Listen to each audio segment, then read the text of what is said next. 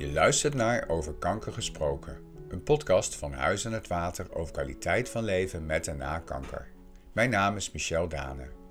In deze aflevering een gesprek met Annemarie Blink. Annemarie werd al jong geconfronteerd met een ernstige ziekte. Later kreeg ze tot drie keer toe de diagnose kanker. Als kind zong Annemarie wanneer ze maar kon. Ook in haar volwassen leven bleef zingen een belangrijke rol spelen. Vanuit Stichting Kanker in Beeld leidde ze diverse koren waarin ze vele mensen de bijzondere werking van de stem en van samen zingen liet ervaren. In deze podcast vertelt ze haar indrukwekkende verhaal vol met waardevolle inzichten. Wat is jouw connectie met kanker? Mijn connectie is heel concreet, want ik heb kanker gehad en tot drie keer aan toe en ben nog steeds een mogelijke risicofactor. Wow. En wanneer had je voor de eerste keer kanker? Ja, ik ben heel slecht in jaren. Want als het voorbij is, dan is het voorbij. Dan ben ik het alweer vergeten. Maar tien als jaar geleden of vijf jaar Ja, zoiets. Baarmoederhalskanker was tien, twaalf jaar... Tien, ik denk rond de tien jaar geleden. En of dat nu een uitzaaiing is geweest of een op zichzelf staande kanker, maar ik kreeg daarna twee keer anaalkanker. En heb ettelijke plekjes uh, huidkanker ook weg moeten laten halen. Maar ben tegelijkertijd iemand die altijd geweigerd heeft om chemo of bestraling te nemen. Wat in verband staat met onderliggend een auto-immuunziekte, lupus. Oké, en dat heb je al langer, denk ik? Vanaf mijn 23ste. Oké, dus je hebt altijd wel een behoorlijke ja, behoorlijk te stellen gehad met je lichaam eigenlijk. Kan je het zo zeggen?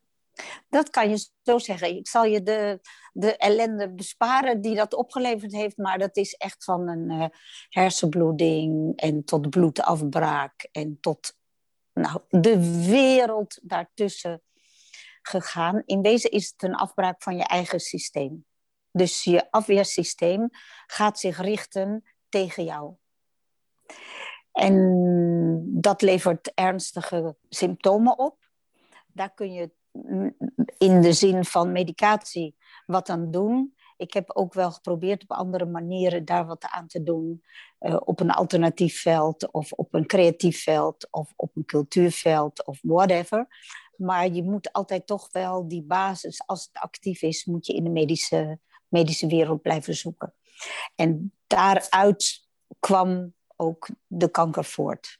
Zo, en hoe kwam je erachter dat je kanker had dan? Want je zegt baarmoederhalskanker. Hoe heb je dat ontdekt? Ja, nou, we hebben toch zo'n bevolkingsonderzoek. Ja. En ehm, wij, wij hadden vreselijk veel pret. We waren aan het eten en Anne, de dochter van Tjerk, had, uh, en mijn liefdochter, die uh, had een vriendje. En die at bij ons en ik werd gebeld en, uh, door de huisarts. En dat was een vriend, of is een vriend. Dus ik zei, hey, hallo Rudy, kom, je ook langs? Kom maar glassen drinken. En hij zegt, nou, hij zegt, ik moet even ergens met je over hebben. Ik zeg, nou, wat dan? Hij zegt, je hebt pap 4. Ik zeg, nou jongen, al had ik pap 100, het zegt me niets. Maar uh, be my guest, uh, geen flauwe notie. Nou, zei hij, kom wel even langs. En toen kwam hij langs en um, toen zei dat vriendje van Anne, dat was zo schattig, je komt terug aan tafel. En ik zeg, nou, ik zeg, jongens, wat er nu gebeurt, dat weet ik niet, maar ik heb waarschijnlijk kanker.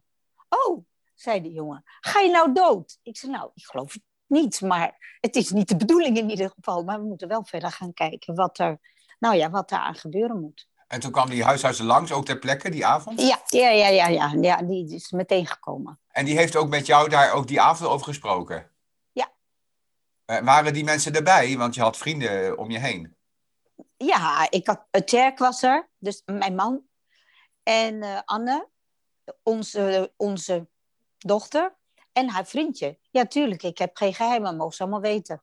Ja, maar een, een ongebruikelijke setting, want je zou verwachten dat zo'n gesprek meestal dan bij de huisarts plaatsvindt of in het ziekenhuis. Maar bij jou was het op een gezellige avond. Ja, precies.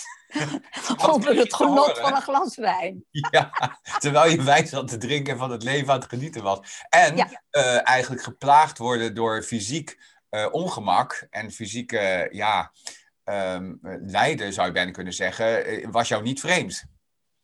Nee, dat zeker niet. Nee. Voelde dit als, ach, dat kan er ook nog wel bij, of vul ik dat te veel in? Ik had na, na ettelijke relaties die niet goed liepen, uh, had ik uiteindelijk de man van mijn leven gevonden. En om dan zo sterk in de intimiteit gegrepen te worden door kanker, dat vond ik heel erg moeilijk. Ah, dus de behandelingen en de, de sores, we gingen altijd met z'n tweeën. En dat zal ook mijn leven lang zo blijven, dat we met z'n tweeën ergens naartoe gaan en dat samen beleven ingreep op onze, op onze sensualiteit, onze sensitiviteit, onze seksualiteit, onze intimiteit van ons als stel, dat, dat vond ik een gemene set van het universum. Ja, want je zegt geen, um, geen chemo, maar dus, er zijn wel behandelingen geweest dan? Nee, operatie. Operatie. En dat is, het enige, dat is altijd het enige wat ik toesta. En daarna wilde men uh, voor de zekerheid het liefst bestralen. En uh, ja, mijn huid is door alle medicatie en door alles wat er al gebeurd is heel kwetsbaar. Dus ik zei, jongens, dat gaat allemaal kapot. Gaan we helemaal niet doen. En ik wil het niet. Klaar, punt, over. En, en hoe gingen die artsen daarmee om dat je dat zei? Prima, heel goed. Ik had een fantastisch team om me heen, kan niet anders zeggen. Uh, ben er geweldig doorheen gesleept. Ik had ook het gevoel. Um, ik weet nog dat ik de operatiekamer binnenkwam en ik had een uh, vrouwelijke arts. Ze was geweldig en zij werd heel groot. Stond in een kolossaal wit licht. En um, ik heb alleen maar tegen haar gezegd: Wil je alsjeblieft heel voorzichtig met me zijn? En toen zei ze, ja, dat doe ik. En toen dacht ik, nou, ik ben, ik ben in, aan de engelen overgeleverd, dus het komt wel goed. En ze hebben dus mijn, uh, ze hebben mijn buik opengemaakt en hebben daar ja, alles, alle eierstokken, baarmoeder, uh, noem het op. En, en alles aan lymfeklieren en hele flikse ben hebben ze er allemaal uitgehaald. Dus dat was een forse grote operatie. En, want het, goed eh, gegaan. Aangrijpend wat je vertelt, dat je zegt: Ik heb uh, al een aantal relaties achter de rug en nu had ik dan de man gevonden waarmee ik echt uh, ja, me helemaal op mijn gemak voel en waar ik echt mee wil zijn. En dan word je precies op dat terrein van intimiteit geraakt, zeg je. Uh, heeft het je ook als zodanig beïnvloed dat dat is verwijderd allemaal? Nee, want in principe, als je, als je nadenkt over een operatie van baarmoederhalskanker, dan, dan zou je kunnen zeggen van nou, mijn, mijn buik is afgesloten. Wat in eerste instantie natuurlijk als vrouw zijn een open verbinding is. Maar nee, dat heeft me niet zo, nee, heeft me niet zo geraakt. Nou, gelukkig maar dan. Ja, maar was dat ook dan, uh, want oorspronkelijk kan ik me heel goed voorstellen dat je daar, ja, het woord wat je net gebruikte, hè, je, je vond het een, een, wat zei je, gemene streek? Of, uh... Ik vond het een rotstreek van het universum. Ja, ja dat kan ik heel goed God snappen. Zeg. En hoe kijk je daar nu naar? Um, het heeft me. Kijk, het, ik ben ervan overtuigd dat elke bobbel in het leven je iets oplevert. En uh, deze bobbel heeft me een, een ruimere kijk gegeven op, uh, op wat je met elkaar hebt in een relatie. En wat je hebt ook met je eigen lichaam. Dus uh, uh, ik, kan, ik kan in stille verwondering naar de littekens op mijn lichaam kijken en dan denken van, goh, wat knap van je dat je dat allemaal weer heel gemaakt hebt. Zo kijk je naar je lichaam? Ja. ja. Oh, en ik denk ook heus wel eens van, jeumig, had het niet wat mooier kunnen zijn? Maar de, de, de, de, de intentie van, van achter dat plaatje kijken, dat, dat heb ik wel heel erg geleerd. En daar heeft die kanker wel op toe bijgedragen ook. Wat mooi om dat zo te horen. En je zegt ook hoe ik naar relaties kijk. Hoe zit dat dan? Um, een, een relatie is meer dan. Kijk, intimiteit is een woord. Maar een intimiteit is ook een dimensie, denk ik. Als er iets wegvalt wat onder ehm, intimiteit wordt verstaan, zoals je sensualiteit en seksualiteit, dan kom je terecht in een andere intimiteit. En die intimiteit is misschien wel veel groter en opent deuren naar nog weer andere ruimtes die je nog niet kende, die je nog niet, uh, of althans die ik nog niet kon zien. Het heeft een soort door... verdieping voor je opgeleverd, zo klinkt het. Ja, en dan, kijk, het komt wel terug. Ik bedoel, een operatie en een kanker is een bepaalde tijd en je kunt met elkaar werken aan het, aan het weer terugbrengen van die intimiteit. En dan, um, dan krijgt het een, een, een veel grotere diepgang. Dus ja, dat is wel iets wat je daar dan van geleerd hebt. hebt. Had het liever niet gehad hoor. Laat dat duidelijk zijn. Maar goed, dus je hebt gebeurd het. is, uh, is er ook wel een bepaalde zingeving aan verbonden hoor. Ja. Ja. ja. En dat geldt ook al vanaf toen je in je twintig was dat je ziek werd? Gaat het zover terug? Ja, mijn moeder vroeg altijd liever, hoe is het met je? En dan zei ik, mam, wat bedoel je? Hoe het met mij is medisch gezien? Of, ja, ja, ja, ja, medisch. Ik zei, maar dat is maar een klein stukje van me. Je moet ook kijken naar wie ik ben en wat ik ben. En ik heb in het totaal anderhalf jaar in het ziekenhuis gelegen. Met van alles en nog wat. Ehm, dat heeft mij iedere keer dat ik er lag iets opgeleverd. In de zin van wijzer worden, uh, meer begrijpen. Uh, bijvoorbeeld voelen wat de kracht van, van uh, zingen kan zijn. Nou ja, eh, maar niet alleen dat, hè.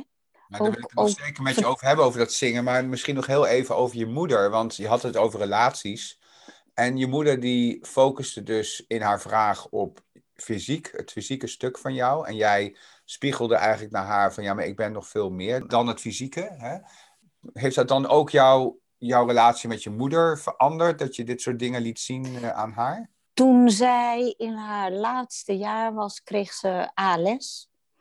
En, en toen hebben we heel veel gesproken, toen ze dat nog kon. Het, het zat aan de, aan de bovenkant, dus ik kon al heel snel niet meer spreken. Maar um, ze zei wel, ach, zei ze, lieverd, nu snap ik wat je bedoelt. Het is zo duidelijk, het is zo waar. En, we kwamen daar altijd op uit. Jouw woorden, wat, wat bedoelde ze, wat ze opeens snapte? Dat de, de beperking, de fysieke beperking, kan een, een, uh, een, een geestelijke wijsheid opleveren. Een, een groeien in je zijn opleveren. In de liefde voor de wereld, in de liefde voor jezelf, in, ja, in zoveel aspecten van het leven. In het geen oordelen meer hebben op wat iemand heeft of wat iemand krijgt. Het is. Het is. Daar hebben we het mee te doen. Dat is ook het pad wat je voor jezelf hebt uitgestippeld. Daar loop je op en daar gebeurt dit. Als je daaraan leert, dan kom je er beter uit dan je erin ging. Dat lijkt me heel bijzonder als je moeder dat op het eind van haar leven tegen jou zegt. Ja, dat is het ook. Maar het was, dat was een bijzonder meisje. en jij bent zo te horen ook een bijzonder meisje. Haar dochter. Eén van de drie. Eén van de drie, ja. Hoe gaan jouw zussen daar dan mee om? Uh, dat, dat jij eigenlijk al zo vroeg um, te stellen had met, met ziekte? Nou ja, we hadden een raar gezin wat dat betreft. Mijn ouders zijn polderpioniers. Um, wij zijn als een van de eerste gezinnen terechtgekomen in Oostelijk Flevoland. In Oostelijk Flevoland werd heel veel DDT gespoten op de landbouwvelden om ze geschikt te maken voor landbouw, want het was water voordien. En wij zijn daar allemaal ziek van geworden, allemaal. Een gezin van zes. Uh, mijn broertje was een nakomertje, die leeft niet meer, was een zwaar epilepticus. En mijn jongste zusje heeft pittige longproblemen. Mijn oudste zusje heeft kroon. Mijn vader had long- en darmproblemen. En mijn moeder had ALS. Dus oh, ik was niet zo bijzonder. Je past in het geheel. Ja. Het paste precies. Ja. ja, en wat mooi te horen wat het voor je is gaan betekenen. Tegenwoordig wordt er in de medische wereld, dat weet je waarschijnlijk, steeds vaker gesproken over positieve gezondheid. Waarin ze precies dit zeggen: dat gezondheid meer is dan alleen het, het fysieke stuk. Eigenlijk al wat jij al heel vroeg ook teruggaf aan je moeder. Dat je zoveel meer bent dan die, dan die medische kant. En nou ja, dat onderbouw jij dus helemaal, als ik het zo hoor. Ja, absoluut. Ja, je noemde net uh, zingen. Want dat is natuurlijk heel kenmerkend aan jou. Kun je daar wat meer over vertellen wat, wat eh, zingen, wat zang uh, voor jou betekend heeft tot nu toe? Nou, dat is, ik kan heel kort en heel krachtig zijn. Ik, ik leef nog omdat ik altijd gezongen heb. En dat is heel ver gegaan. Uh, ik heb vanaf de eerste opname in het ziekenhuis gezongen. En er zijn piano's voor me door verplegend personeel aangerukt. Er zijn boeken voor me gehaald. Er zijn hele afdelingen leeggelopen om, om mij heen. Om de piano met mij mee te zingen. Uh, ik, heb, ja, ik heb altijd gezongen. En het is uh, de basiskracht en de basistrilling van mijn bestaan. Prachtig zoals je dat zegt. En ook die beelden die je daar even schetst. Dat je daar ook heel veel mensen mee hebt bewogen, zo te horen. Ja, ik kan me herinneren dat ik in het ziekenhuis lag met een open been. En dat ik tegen de artsen zei: Ik ga dood als jullie me hier zo laten liggen. En onder de douche, met de wondverzorging, zei de, de verpleegster tegen mij: Wat heb je nodig? Fantastische vraag overigens. En ik zei muziek, piano. Toen is de verplegend personeel uit de kantine een piano gaan halen. De zaalarts heeft de specialist gebeld en gezegd: wat, uh, wat mag? Wat mag ze doen? Nou, dat was een half uurtje na het bezoekuur. En in dat half uurtje na het bezoekuur gingen alle deuren van de afdeling open. Dus de piano was tegen de balie gezet van de, van de ontvangst. En ik zat daar te spelen en te zingen. En één voor één gingen die deuren om mij heen gingen open. En de een kwam met zijn bed en een infuus. En een tweede kwam met zijn paal rammelend erachteraan. En een stoel. En een derde in een rolstoel. En een vierde in een bed. En een heel oud dametje kwam naast mij zitten op de stoel. En dan na een half uurtje legde ze een hand op mijn rug. En zei ze, nu transpireer je. Nu moet je weer naar bed. Dan ging ik weer terug en de volgende avond deden we het nogmaals. Een betoverend mooi verhaal dit. En ook helemaal dat je zegt van ja, een bijzondere vraag van wat heb je nodig? Want dat, dat horen we dan ook steeds vaker tegenwoordig. Dat dat de vraag is om te stellen aan mensen. Maar ja, dat je dan antwoord geeft wat nogal wat uh, in zich heeft. Dat ze een piano moeten halen en opeens ja, precies. moeten doen. Dat hadden ze misschien ook niet verwacht, maar dat ze het wel gedaan hebben, is natuurlijk geweldig. Ja, ja super. Echt fantastisch. Tot op en, de jij dag zegt dan van vandaag. eigenlijk zonder muziek had ik het niet overleefd. Nee. Ja, er wordt iets stil in mij. Er gaat iets. Kijk, de, de diagnoses die je krijgt zijn zo heftig.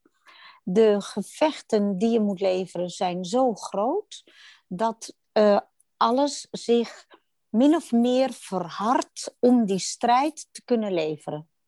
Opdat je niet wegzakt in je emotie, niet wegzakt in de pijn, niet wegzakt in de effecten die het heeft op je omgeving. En voor mij is zingen de opening weer naar je hart. De opening naar je gevoel. De opening ook naar het laten stromen van dat wat er in jou en met jou gebeurt. En doe je dat niet, dan blijf je steken. Dan, dan, dan blijf je of heel hard met bokshandschoenen aan knokken, waar je lichaam niet tegen bestand is. Het heeft die zachte, ondersteunende kracht nodig. En dat is, ja, daarom ben ik zo blij dat, dat de stichting Kanker in Beeld, dat dat juist leeft.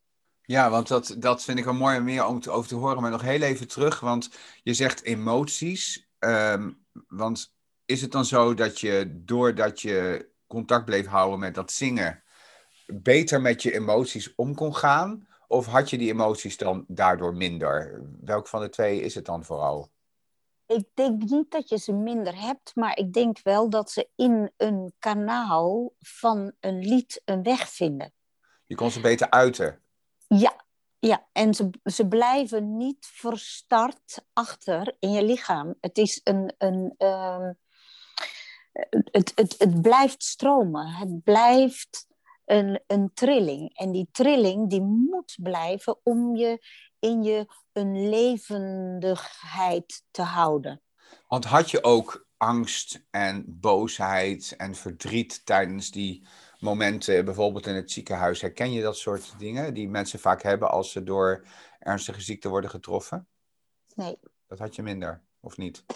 Ik was heel concreet. Ik was heel concreet. Ik weet nog de eerste keer dat ik uh, opgenomen werd in het ziekenhuis. Was, ik kon niet meer lopen, ik kon niet meer staan, ik kon niet meer zitten, ik kon helemaal niks meer. Ik werd, ik werd omgedraaid. Ik was totaal één plank van pijn.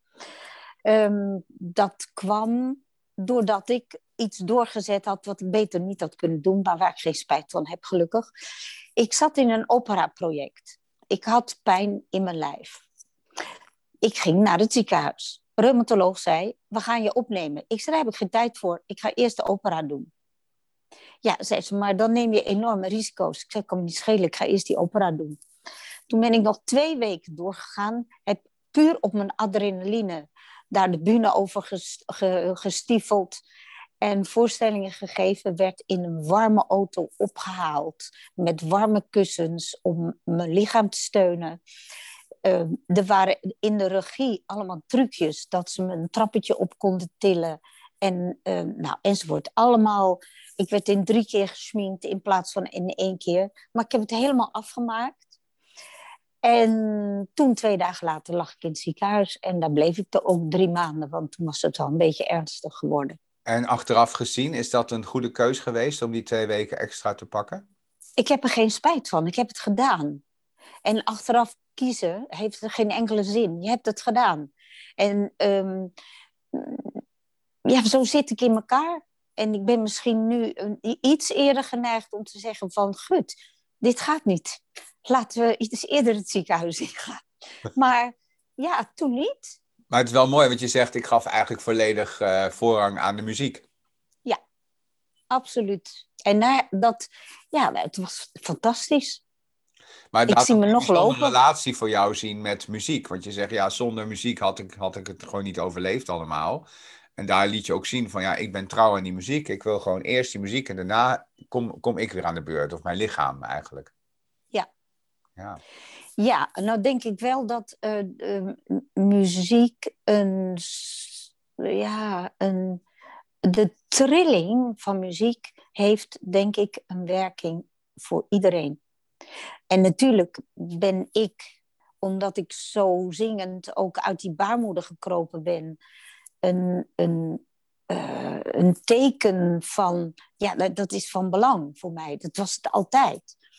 Maar als ik kijk naar wat er is gebeurd met mensen die niets hadden met zingen en die toch doorzingen, in hun emotie kwamen en in ook de nazorg van hun concrete ziekte uh, hun emotie een plek konden geven. Ik denk dat dat universeel is. Het is iets wat raakt. Ja. En iedereen heeft een, een lied wat raakt kan een smartlap zijn, maakt niet uit. Het kan uh, Afrikaanse muziek, muziek zijn, maakt niet uit. Het kan hard rock zijn, klassieke muziek, allemaal oninteressant. Als het maar raakt. Het raakt. Ja. ja. En, en daar heb jij actief mee gewerkt, want je noemde net kanker in beeld. En daar heb jij gezongen met koren. Van, ja. met, die bestonden uit, uit allerlei mensen die direct te maken hadden met kanker. Ja. Kun je wat, wat vertellen over wat je daarin hebt meegemaakt? Ehm, ik, heb in, ik heb op uitnodiging van Patricia, Patricia Dijters, de, ja, ik zeg altijd de moeder van Kanker in Beeld. Die heeft mij gevraagd om in Amsterdam een koor op te zetten. Wat ik in eerste instantie niet wilde, maar toen ik zelf kanker kreeg, dacht ik, nou ja, oké dan. Oké dan, dan ga ik dat wel doen. En ben begonnen uh, met een heel klein groepje van zes mensen. Wat in de loop van een jaar of acht uitgroeide tot 50, 60 mensen. En heb daar gewerkt op twee manieren. En in principe is het de bedoeling dat je een uur, anderhalf besteedt aan ontspanning, aan adem, aan rust in het lichaam, aan voelen waar je bent. Ik heb een opleiding tot stemtherapeut gevolgd en ben lichaamswerktherapeut ook. Dus ik deed dat met begeleiding van de piano en hele kleine liedjes. Mantra's kunnen daar geschikt voor zijn. Maar een kinderliedje is ook uitstekend materiaal. Maakt niet uit eigenlijk wat er maar in je hoofd opkomt. En wat ik deed was uh, uh, voelen met de groep, waar zijn we? Waar zijn we? En veel fysiek werk. Dus loop door de ruimte. Kijk iemand aan. Kijk iemand echt aan. Als ik jou echt aankijk en dan ook nog samen met jou zing, dan gebeurt er iets.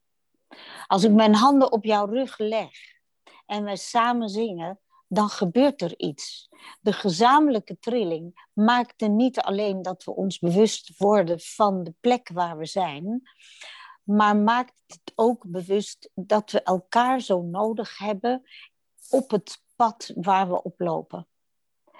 En maakt het bewust dat we elkaar nodig hebben in de heling die we zoeken en die we nodig hebben om verder te kunnen gaan daar waar we zo met kanker geconfronteerd zijn. En dat geldt net zo goed voor degene die als buddy functioneert als voor degene die zelf uit de chemo komt, helemaal met een grijs bekkie en zegt: Breng me naar Anne Annemarie, mee gaat zingen. En na anderhalf uur zie ik een blos verschijnen op een smoeltje. En na drie uur gaat iemand weer hoopvol verder.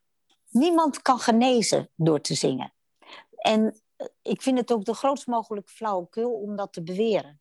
Maar, maar wat, wat, doet het dan wel? Als het niet genezen is, hoe zou je het dan wel noemen? Het is essentieel om de hoop te blijven houden. Het is essentieel om je levensenergie te voeden, die je bij uitstek voedt.